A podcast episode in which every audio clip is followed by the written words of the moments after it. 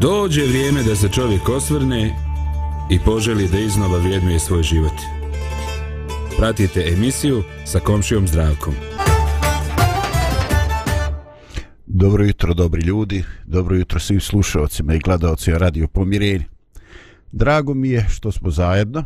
I evo ovo danas ima neku simboliku, e, naslov našeg e, emisije od petka s komšijom zdravkom i zaista danas s komšijom zdravkom, a sve moje e, kolege gde god da se nalaze u svojim obavezama želim im jedan e, lijep dan e, i želim da se ubrzo vrate u emisiju kao što svako dobro želim i vama koji ste danas sa nama. Danas bih htio da govorim o nečemu što nas e, htjeli ili ne htjeli e, prati u čitavom životu a to je neka procjena ili u ružnijem smislu te riječi tomu dođe osuda. I mi ne samo ovaj da smo na neki način e, osobe koje su subjekt dakle koji se dovodimo sebe u situaciju da osuđujemo nego smo i objekt. Znači mi smo neki put target meta mi smo ciljevi osude i tad vjerovatno shvatimo pravo i ružno značenje e, te riječi. E, zašto je tako? Koji su e, aspekti svega toga? E, šta sveti spisi govore o tome? E, kako to izgleda sa stanovišta nekog životnog iskustva, a kako sa visoki standardna koji su postavili e, sveti ljudi i boži poslanici? Eto, to će biti predmet e, našega današnjeg razgovora i želim e, da se na neki način e, opustimo, da razmišljamo, da budemo ne samo kritični, nego i samokritični i da shvatimo da je to iskušenje koje nas prati e, praktično u svakoj doba, doba života i predstavlja iskušenje. I zato, živimo mi bili lijep početak dana i prije što krenemo dalje u temu, jedna muzička pauza.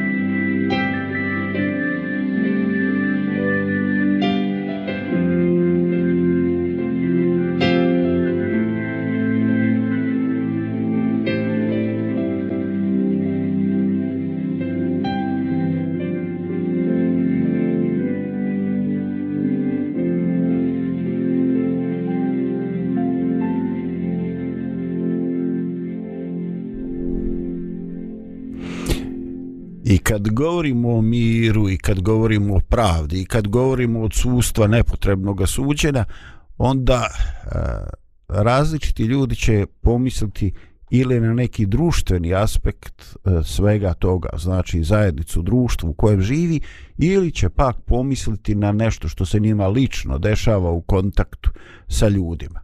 I na ovim našim bosanskim vrletima ovaj ponekad u prošlosti se čulo ili neka priča o dobrim vremenima je počinjala sa onog za vrijeme kulina bana i dobrije dana. A eto, u zadnjih desetak, dvadeset godina e, javili se ljudi onako sa više ili manje samouvjerenosti i pričali e, djeci o nekoj zemlji koja je nestala i u kojoj su obični radnici, što bi mi rekli fizikaneri, građevinci, mogli preko firme otići u neko odmaralište, ovaj, okupati se. Pa makar ovaj eh, ponijeli neki mesni narezak i malo paradajza, iako u kolima nije bilo klime, iako su išli s nekim jugom, najčešće stojadinom, pa čak i s peglicom, oni su stizali na odredište, odmarali se, nije bilo one jagme za ovaj za preskupe ovaj ležaljke ili suncobrane većina se to ljudi nosila ili je tamo kupovalo od Čeha ili Poljaka koji bi to prodavali kad bi se vraćali s mora. I tako pričamo o nečemu što je e, bilo dobro i uvijek se sjećamo tih dobrih stvari, e, ponekad zaboravljajući da su i ta vremena nosila svoje breme i svoje probleme, ali nekako kako čovjek stari on ovaj pokušao svoju mentalnu stabilnost sačuvati tako što će se upravo sjećati onim lijepim i što je na neki način obojalo u svijetle boje ili začinilo njegov život na pozitivan način. Eto, dakle, bitno je i mi zaista kažemo danas mi želimo da, mi to danas zovemo, želimo da živimo u pravnoj državi. Znači da svi imaju iste šanse i tako, iako negde u dubini duše E, znamo da svi nemaju ovaj iste šanse i da je vazda i ranije i danas bilo ovaj e, ko si, šta si, čiji si i eventualno ko ti stoji iza leđa. Tako da ovaj e, to je uvijek bilo tako i nije proizvod novoga, novoga vremena. Možda imamo neka nova specifična iskušenja, ovaj, jer neki ljudi su postali abnormalno bogati, a nestalo je one srednje klase ljudi koji su mogli koliko toliko pristojno pristojno ovaj živjeti. Jednom godišnje otići u trst po neke farmerke ili, ili ovaj grilon čarape ili šta god prepustit ću vama da se sjećate neki detalja koji su za vas bitni dakle iskušenje je vazda ovaj postojalo. I mi još u starom e, zavjetu, u knjizi dnevnika ili ljetopisa, zavisi od prevoda, e, nalazimo e, jedan stih u kome pravedni car e, obilazi, dakle, područje nad kojim vlada i ovaj na svakome području biva e, bira neke ljude koji su bili ljudi od povjerenja, ljudi koji su imali respekt svojih sugrađana ovaj i postavlja ih za sudije. E, da bi se dakle dijelila pravda. I on u drugoj knjizi dnevnika 19. glavi će reći ovako. I reče sudijama, gledajte šta ćete raditi, jer nećete suditi za čovjeka, nego za gospoda, koji je s vama kad sudite. Zato neka bude strah gospodnji u vama, pazite i radite, jer u gospoda Boga našega nema nepravde, niti gleda ko je ko, niti prima poklone. Čoveč, jeste li vi čuli sve ovo što sam ja pročitao? Dakle, e, car i postavlja. Jasno je ko tu kosu i ko tu vodu nosi. Zna se ko može to mjesto koje im je dodeljeno i uzeti. Ali on kaže, e, halo ljudi, vi kad budete sudili, ne trebate da razmišljate da li taj čovjek koji je optužen ili koji tuži nekoga, da li on poznaje mene da li on povremeno svaki drugi mjesec svake hefte dolazi kod mene tamo ovaj u glavnu upravu ili na dvor ili kako se to već zvalo nemojte to vi ne sudite čo pred čovjekom nego pred Bogom i radite taj posao Nemojte da se pravda čeka 5-6 godina. Jes ti su pravo, ali ne može se to izvršiti. I radite to. I on kaže princip za koji zna da je problem za nas ljude. On kaže, e, Bog kod Boga, ne, Bog ne gleda ko je ko i ko je šta. I u njega e, nema poklona ne može se Bog doći, Bože, mislim, ja tebi, ono, ako bi mi mogli dogovoriti, ili znate kako mi to danas još ljepše obličimo, možemo li mi naći neko kompromisno rješenje za kojima bi svi bili zadovoljni? U principu to svi zadovoljni znači da bi ti i ja bili zadovoljni, ovaj, onim što bi ti ja, što bi ti ja eventualno dao, a ja da zadovoljen onim kako bi ti presudio ako si ti u poziciji sudije. Ovaj, e, dakle, tako to biva, tako to ide. I tako je to danas. Ali očito kad čitam ove, ove riječi starog zaveta, tako je to bilo svakda. I tako je bilo uvijek i to je jedno permanentno, konstantno iskušenje koje mi imamo ljudi kad pravimo neku zajednicu. Pa bilo da je to neko udruživanje u nekoj velikoj porodici u mjesnoj zajednici ili da pravimo državu. Uvijek ćemo imati ta iskušenja. I uvijek će to što činimo, pogotovo kad griješimo, e, donositi e, zlo nama lično i donosit će zlo zajednici. Kako? Pa ne sudi čovjeku, nego ti sudiš zato što sudiš si odgovoran Bogu. Ljudi kroz to kako se provodi pravda na jednoj zemlji e, dobijaju neki pogled na čitav život, na realnost, na svijet, pa čak i na religioznost. Dakle, ono što oni vide, e, često šalje dominantniju poruku od onoga što se njima priča. I mi njima možemo pričati kako smo mi zainteresovani, kako naša stranka, evo, evo mi se ubišmo kad, kad pobjedimo, bit će nam bolje. I stvarno kaže njima bude bolje. Hoće li nama bude bolje? Ovaj, I tako znači postoji ta tortura, ovaj, svi pričaju najljepše stvari, mi gledamo, krstimo se, mislimo, vjeruju li on to sve što pričaju, o, neko kaže pusti bajo priču de ti gledaj da koji kamion šljunka iskoristim ovu priliku da se to navuče da se razvuče šunjak vidiš da nemaš ni traktorom provoća kamo limuzinom po ovom našem seoskom putu.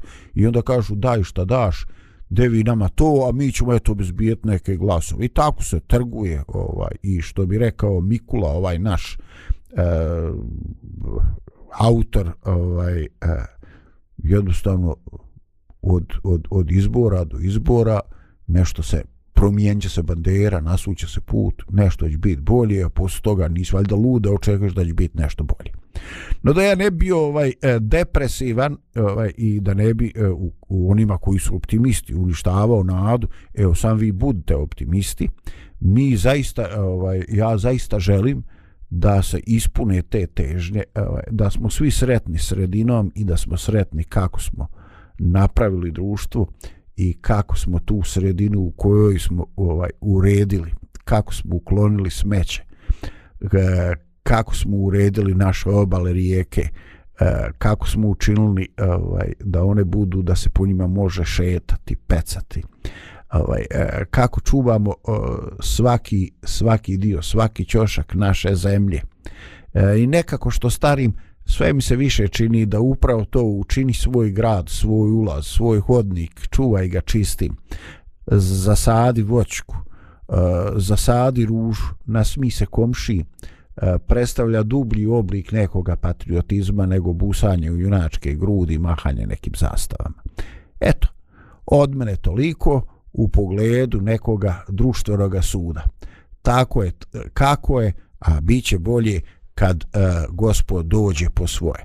Eto, ovaj, uh, idemo još malo dalje, ali ovaj uh, prije toga još jedna muzička pauza.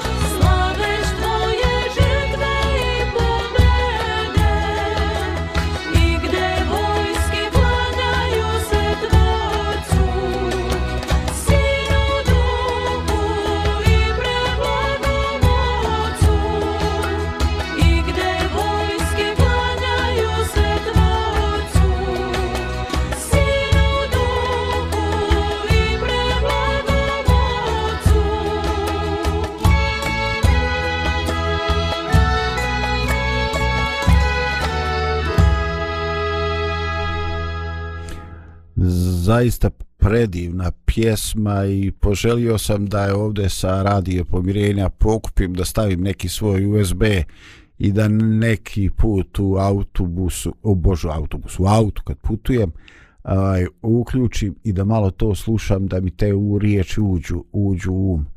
Ovaj, mi želimo da živimo na zemlji na kojoj se ljudi klanjaju Bogu i kojoj je pravda vrhunski princip.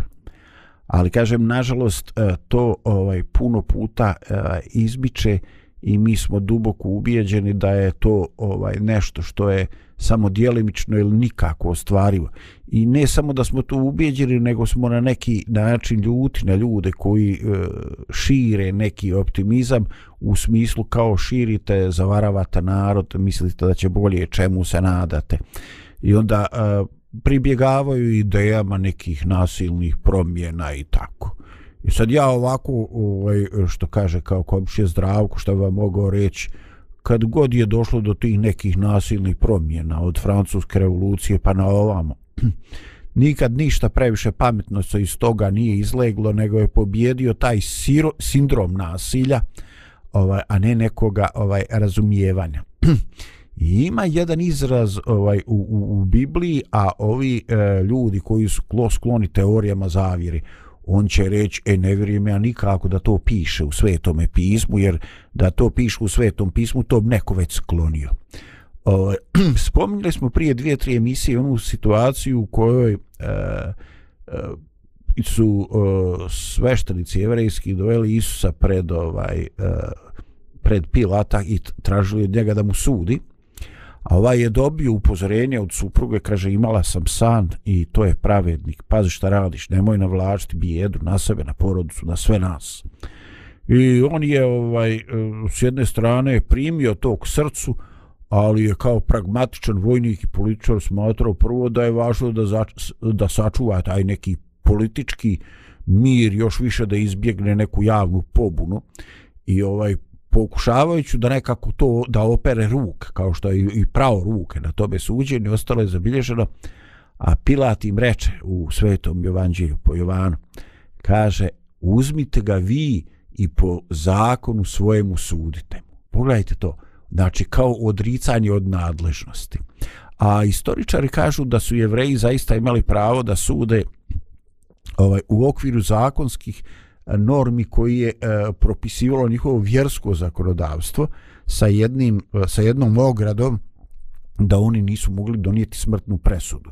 Znači mogli su čovjeka isključiti iz bornice, jeli, iz te tadašnje bogomolje aktuelne ili šta znam, donijeti neku drugu kaznu, ali nisu mogli pravosnažnu smrtnu kaznu donijeti, a da na to stave pečat ili odobravanje ne stavi ovaj rimski uh, rimski ovaj uh, okupator, rimska sila koja je tu bila prisutna sad. Ne znam je li to politički korektno zvati, ovaj, tako. I, ovaj, I pogledajte, kad ima pilot kaže, ba, nemojte mene miješti u te vaše vjerske stvari, ljudi, pa znate zašto sam ja zadužen. Ja držim vojsku, pogledajte ove sjajne, oklopne ovaj legionare oko mene. Sad ću ja ulaziti u vaše vjerska pitanja, gde svi mene ljudi manite ovaj, a kaže, a jevreji mu odgovoriše, kad je ponudio da mu oni sude, ali kaže, ali mi ne smijemo nikoga pogubiti. Vid ovo čovač. Vi, jel vi slušate šta se ovdje kaže? Mi kad spomenemo riječ sud i osuđivanje, smatramo da se radi određeni postupak utvrđivanja nečije krivice. I da se vidi da li je neko kriv ili nije. A ovdje ne samo da se sugeriše da je neko kriv, nego da nekog treba ubiti.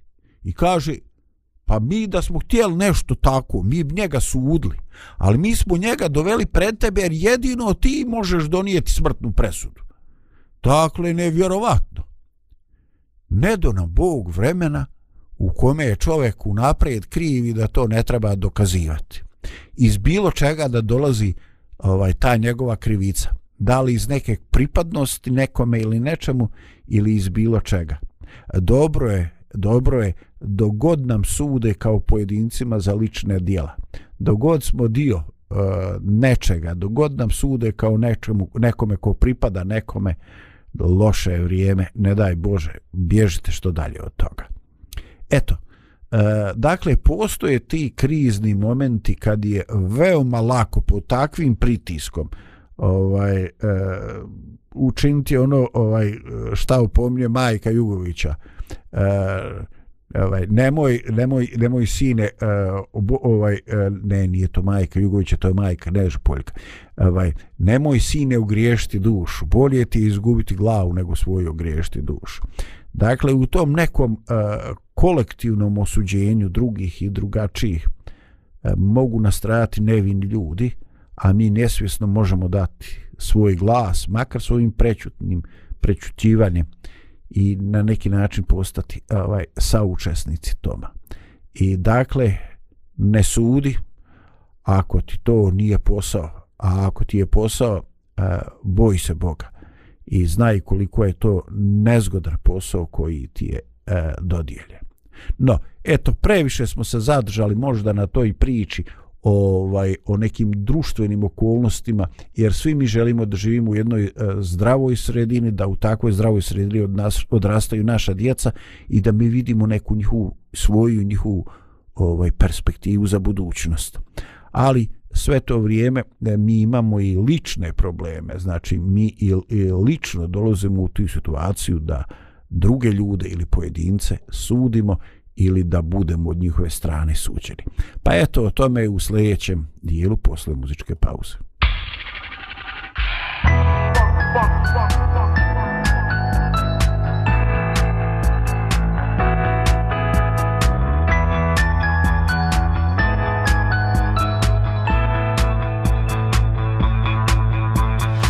Zašto me niko ne želi? I zar me nikada nisu ni htjeli? A toliko nas malo dijeli Da te cijeli život veselim.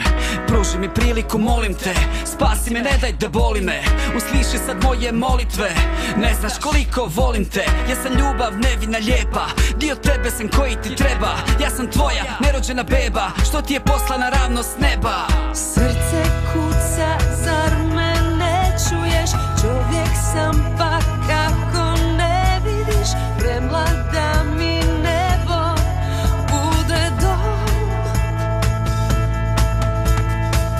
Tvoja krvi, tvoja slika Tvoja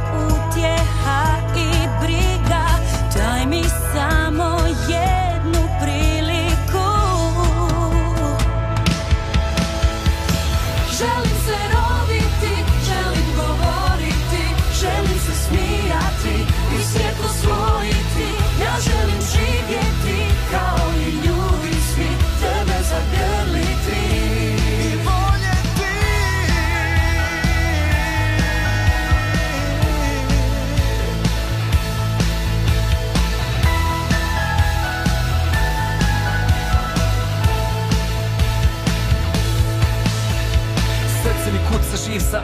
Božje čudo sam drugo nisam.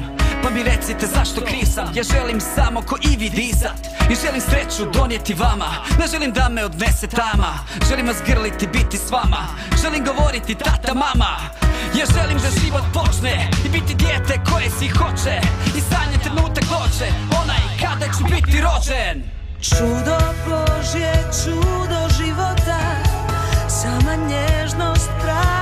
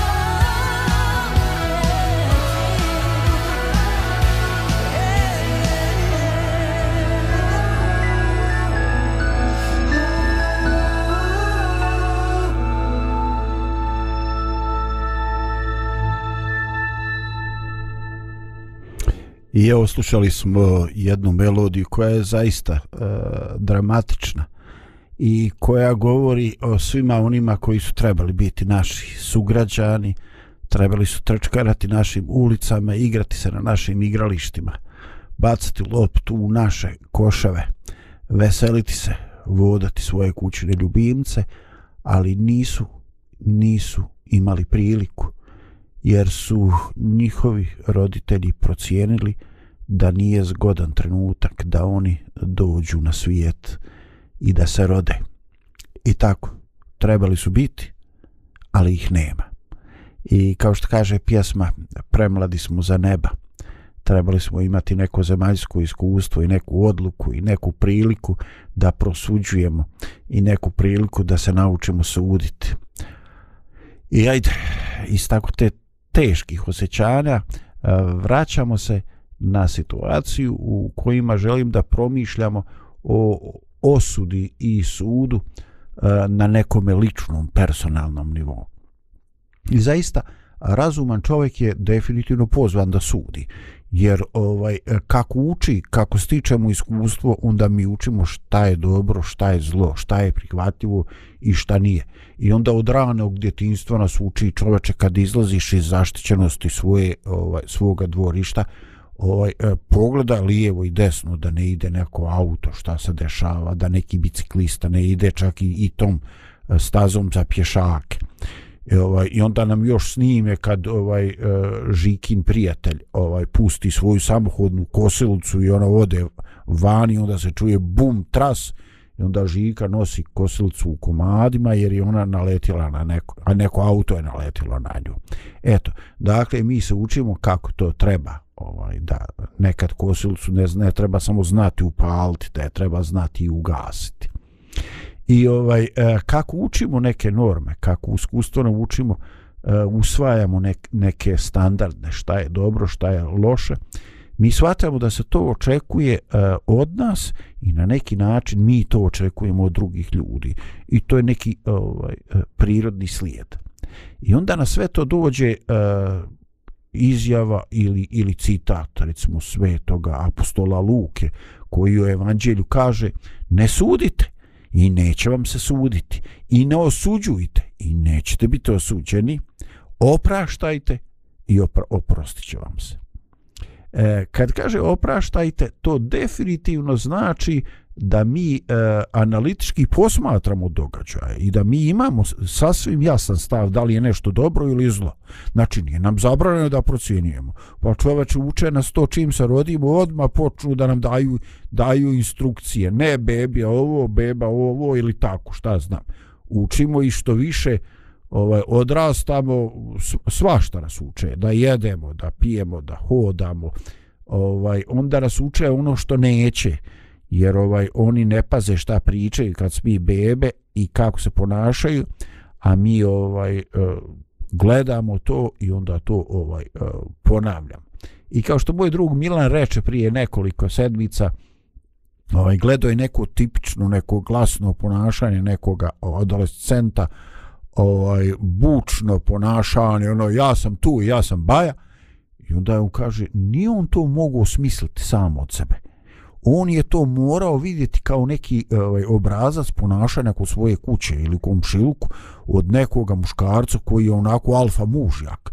I sad on znaš odrasta i ono će biti isto ko on i on se isto tako ponaša šta ima ono galami ono šakom odsto ono malo se kao bahati i tako. Preglasan je da on ne kaže da on nije neki stisnut. Znači e ja došao to se mora čuti. Ovaj dakle nama se kaže nemojte osuđivati. Ali se nam se ne kaže nemojte konstatovati. Ovaj e, drugo to nikako ne znači da mi trebamo sebe dovoditi u situaciju da jednostavno, eto, mi ne osuđujemo, pa dozvoljavamo da im nam ljudi radi šta im padne na pamet.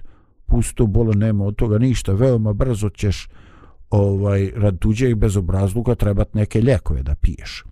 Dakle, čovjek mora postaviti granice.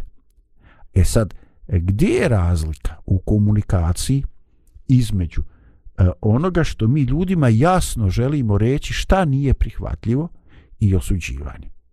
E, mi smo nekoliko puta ovdje na radiju doticali tu temu, ali eto ja sam duboko, duboko uvjeren da to ne može nikad biti previše. Vidite, kad se mi obraćamo nekome, našem bližnjem, članu porodice i bilo kome i kažemo, vidiš, e, taj postupak mene zbunjuje ili smeta. O, I jasno izrazimo i onda kažemo ovaj e, da je to nama u određenoj mjeri prihvatljivo ili nam uopšte nije prihvatljivo. I potpuno je u redu da mi kažemo ovaj, e, čuj, ako mi to ne možemo riješiti, ako ti budeš uporno, nećeš imati druga, nećeš imati saradnike, još manje nećeš imati prijatelja. Ovaj, dakle, u redu je da se čovjek izjašnjava šta mu smeta i u radu je da on to jasno kaže osobi i da po, e, postavi jasne granice i da kaže kako će se on odnositi ako bude osjećao da je povrijeđivan. Znači, to je u redu, to treba, tu nema nikakve sumnje. Ali šta mi radimo? Mi umjesto da postavimo granice i kažemo šta nam paše, šta nam ne paže, e, mi često se obraćamo ljudima sa e, osudama i procjenama njihovih pobuda, njihovog moralnog, intelektualnog i, nek, i svakog drugog lika. I onda kaže, ti misliš, gotovo, problem je već na kvadrat kako ti možeš znati šta ja mislim? E, ti imaš zadnje misli. E, ovaj, e, znači, to su sve stvari koje su nepre, neprihvatljive. Neprihvatljivo je kad mi na određeni način tumačimo pobude ljudi. Kako što ti znati šta je u srcu čovjeka? Pa čoveče, mi dođemo u situaciju ovaj, e, da i sami moramo da se preispitujemo. Zašto smo reagovali kako smo reagovali? Da li se nismo snašli, da li smo bili manje ili više skoncentrisani, glupavi, ali je jako loše kad mi pokušavamo zaviriti u tuđe srce. Dakle, kritika određenog ponašanja, normalno, svakako, smetam to, obustavi, prikoči baja malo, ali ulazak u tuđe pobune, pobude i osuda čovjeka, kakav je on čovjek, to ljudi nije nama dano. Mi to ne treba da radimo i mi se nevjerovatnom brzinom i efikasnošću udaljavamo čak i od svojih najbližih, od svoje djece, od svoje roditelja. I samo jetki odgovor, šta, šta ti znaš šta je men bilo u srcu? I gotovo, gotova je komunikacija. Ovaj, dakle, ne sudite pobude. Ne bavite se šta je ko htio. Sudimo i e, reagujemo na konkretne poteze i na konkretne situacije koje su nam na neki način nas ovaj, povređuju. I pogledajte šta je interesantno. Ovo nije neka coaching tehnika da vi naučite pa će vam biti bolje kod kuće. Razumijete? Manje ćete se svađati, jediti i tako. Ovaj, ovo je nešto što je ovaj usput dorađeno sa određenim obećanjem. I to ne obećanjem od bilo koga, nego obećanjem iz svetog pisma. I on kaže, nemojte suditi pobudama. I onda neće ni vama biti suđeno. E, nemojte osuđivati, donositi kratke stavove. E, one je završno, znači ti takav čovjek s tobom ne treba i ovaj jednostavno nećete ni vi biti osuđivani. I kaže, e, oprostite pogrešivom čovjeku, pogrešiv je, jer i tebi će trebati oproštaj.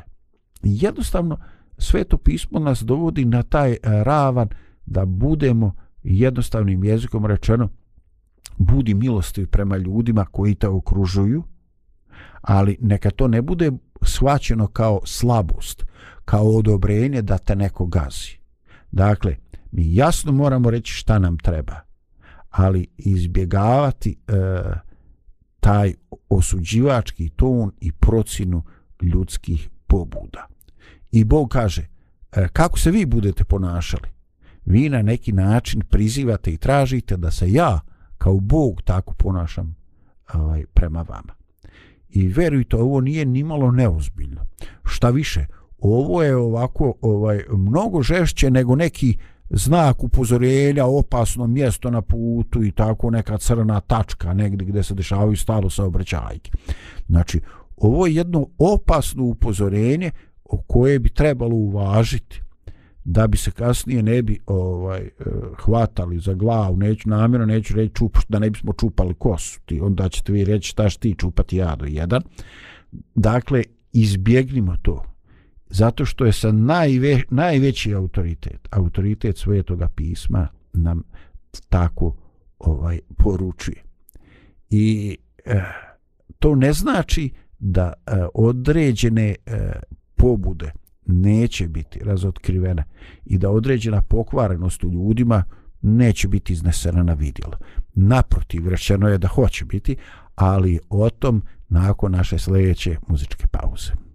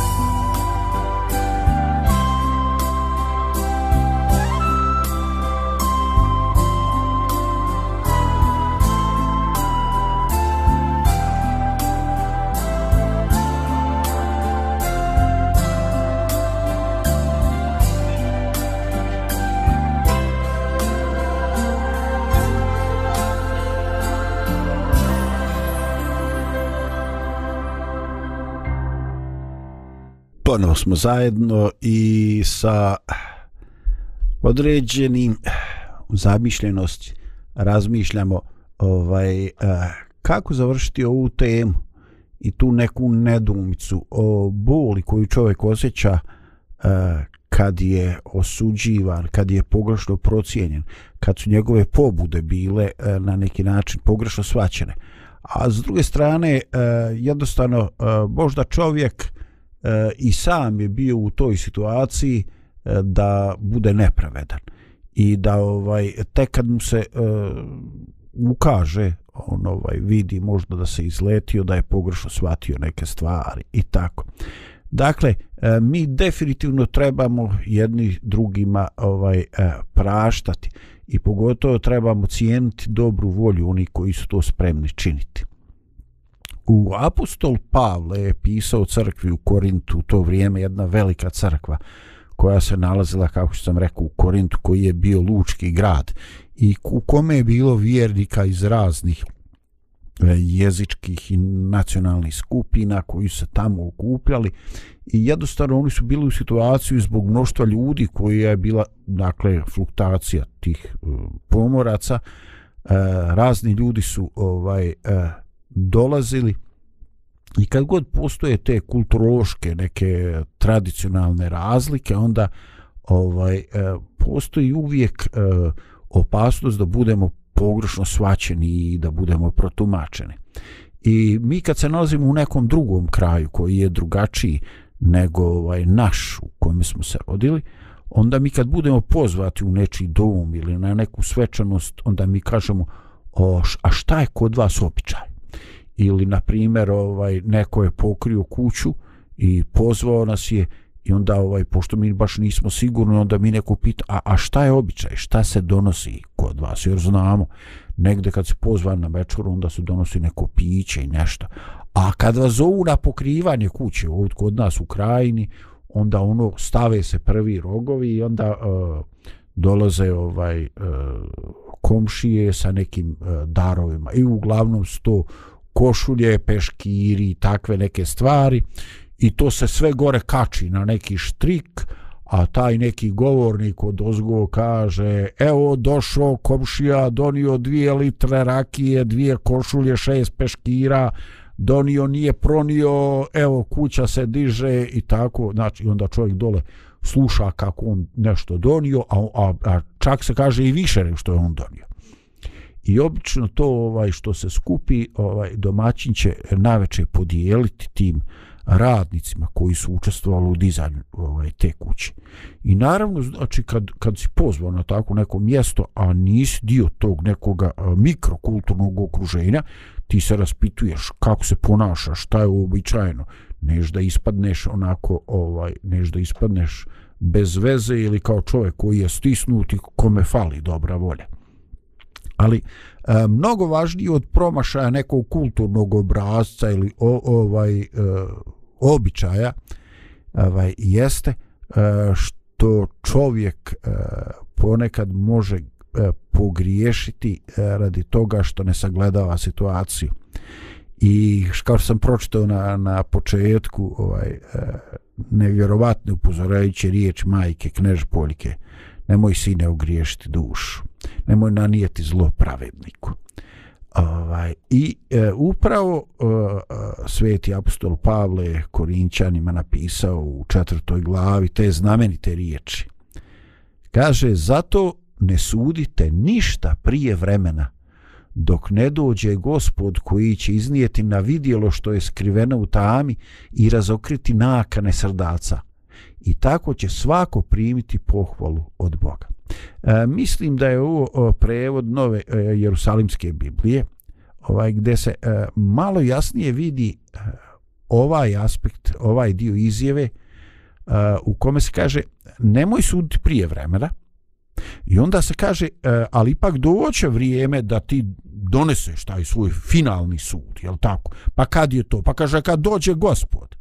A kao što sada, što tada, što je taj trenutak toliko baš pogodan da ja u svu neku pamet koju imam ili nemam ne mogu to procijeniti.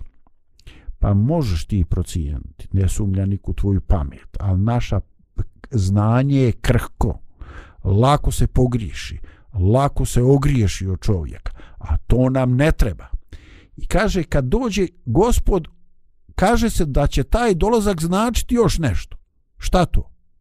Pa kaže da će gospodi, da će iznijeti na vidjelo javno, učinit će dostupnim određene informacije, kaže, koje su bile skrivene u tami. I razotkriće, pazite se ovaj izraz, nakane, namjere srca. Dakle, Gospod je obećao da će na sudnji dan razotkriti ne samo određene tajne dogovore ovaj kojim je realizovao ono dva loša ubiše mi loša znači udruživanje ovaj sa nekom nakanom da se izvuče neka korist da se nanese zlo da se ovaj popne na nekim stepenicama moći i tako Znači nešto što mi po definiciji kažemo da su to neke neprihvatljive, e, nemoralne ili šta znam, e, zlom obojene radnje. Nego ovdje kaže nešto uzbudljivo. Kaže, gospod će iznijeti na vidjelo namjere, nakane srca. Ono što čovjek e, misli da je u potpunosti sakriveno. Ono što misli što ničim nije Nigde nisam ostavio pisani trag. Nikom ja to nisam rekao. Ja sam samo možda mrzio. I mislim da to niko ne zna. A ovde apostol kaže, sve je to zabilježeno. Sve se to zna. I ne samo da je zabilježeno nego, ne, i da se zna, nego će doći dan kad će to biti iznešeno pred oči oni koji su spašeni, koje je Bog odabrao kao svoje. I zaista, čovjek e, mora biti baš onako ono debelo kožac da se nad ovim ne zamisli jer E, možda mu je to lakše ako je baš neki nevjerni kažu, ma mani me pa mene to ništa ne zanima to su meni babske priče dobro ne zanima te ti vjeruješ to, da su to babske priče ovde piše da ćeš se ti, brate, sudariti s tvojom tvrdom glavom sa ovim, ko što će se sudariti i ja. Vjerovali mi, ne vjerovali, mi ćemo biti dionici toga. Što? Pa zato što ne zavisi od toga da li sam ja ili ti u pravu, zato što je to Bog rekao. I tada, kad se sa tim moramo suočiti, onda je vrijeme da se čovjek zaista zamisli i da kaže spasi me gospode od preuranjenoga suda E, spasi me da ne izazovem tugu, bol, suze. E, u očima dragih, zato što sam ih optuživao za nešto što nije imalo osnova. E, pomozi mi da stvari koje nisu važne, ne budem cijepidlaka. Da praštam da bi ti meni oprostio. Dakle, e, ovdje je poruka ne da ne budemo e, zainteresovani za taj život, ne da nemamo sisteme neke samo odbrane i zaštite svoga integriteta. Ovdje nije potez, poziv da ne stavljamo granice. Ne. E, ovdje je jednostavno poziv da se ne upuštamo od krajnjega suda. E, da li je neko za raja ili za pakla. Ostavite to Bogu. On je rekao, to je moj posao, ja ću to uraditi i razloge zašto sam uradio ovako i onako ja ću vam podastrijeti naravno vama koje budem smatrao e, dostojnim da dobijete te informacije dakle dragi moji pred nama je e, zaista uzbudljiva budućnost da li će ko uh, dočekati ovaj neko od nas dočekati ovaj živ to vrijeme da li će se ispuniti ona druga opcija da će se sud Boži desiti nakon velikog vaskrsenja. U kojoj ćeš grupi biti ti i ja? Ne znam, brate, da ti to kažem, ali bitno je samo na kojoj ćeš strani biti kad Bog spod bude razdjeljivao ljude kao što se razdvajaju ovce i jarce.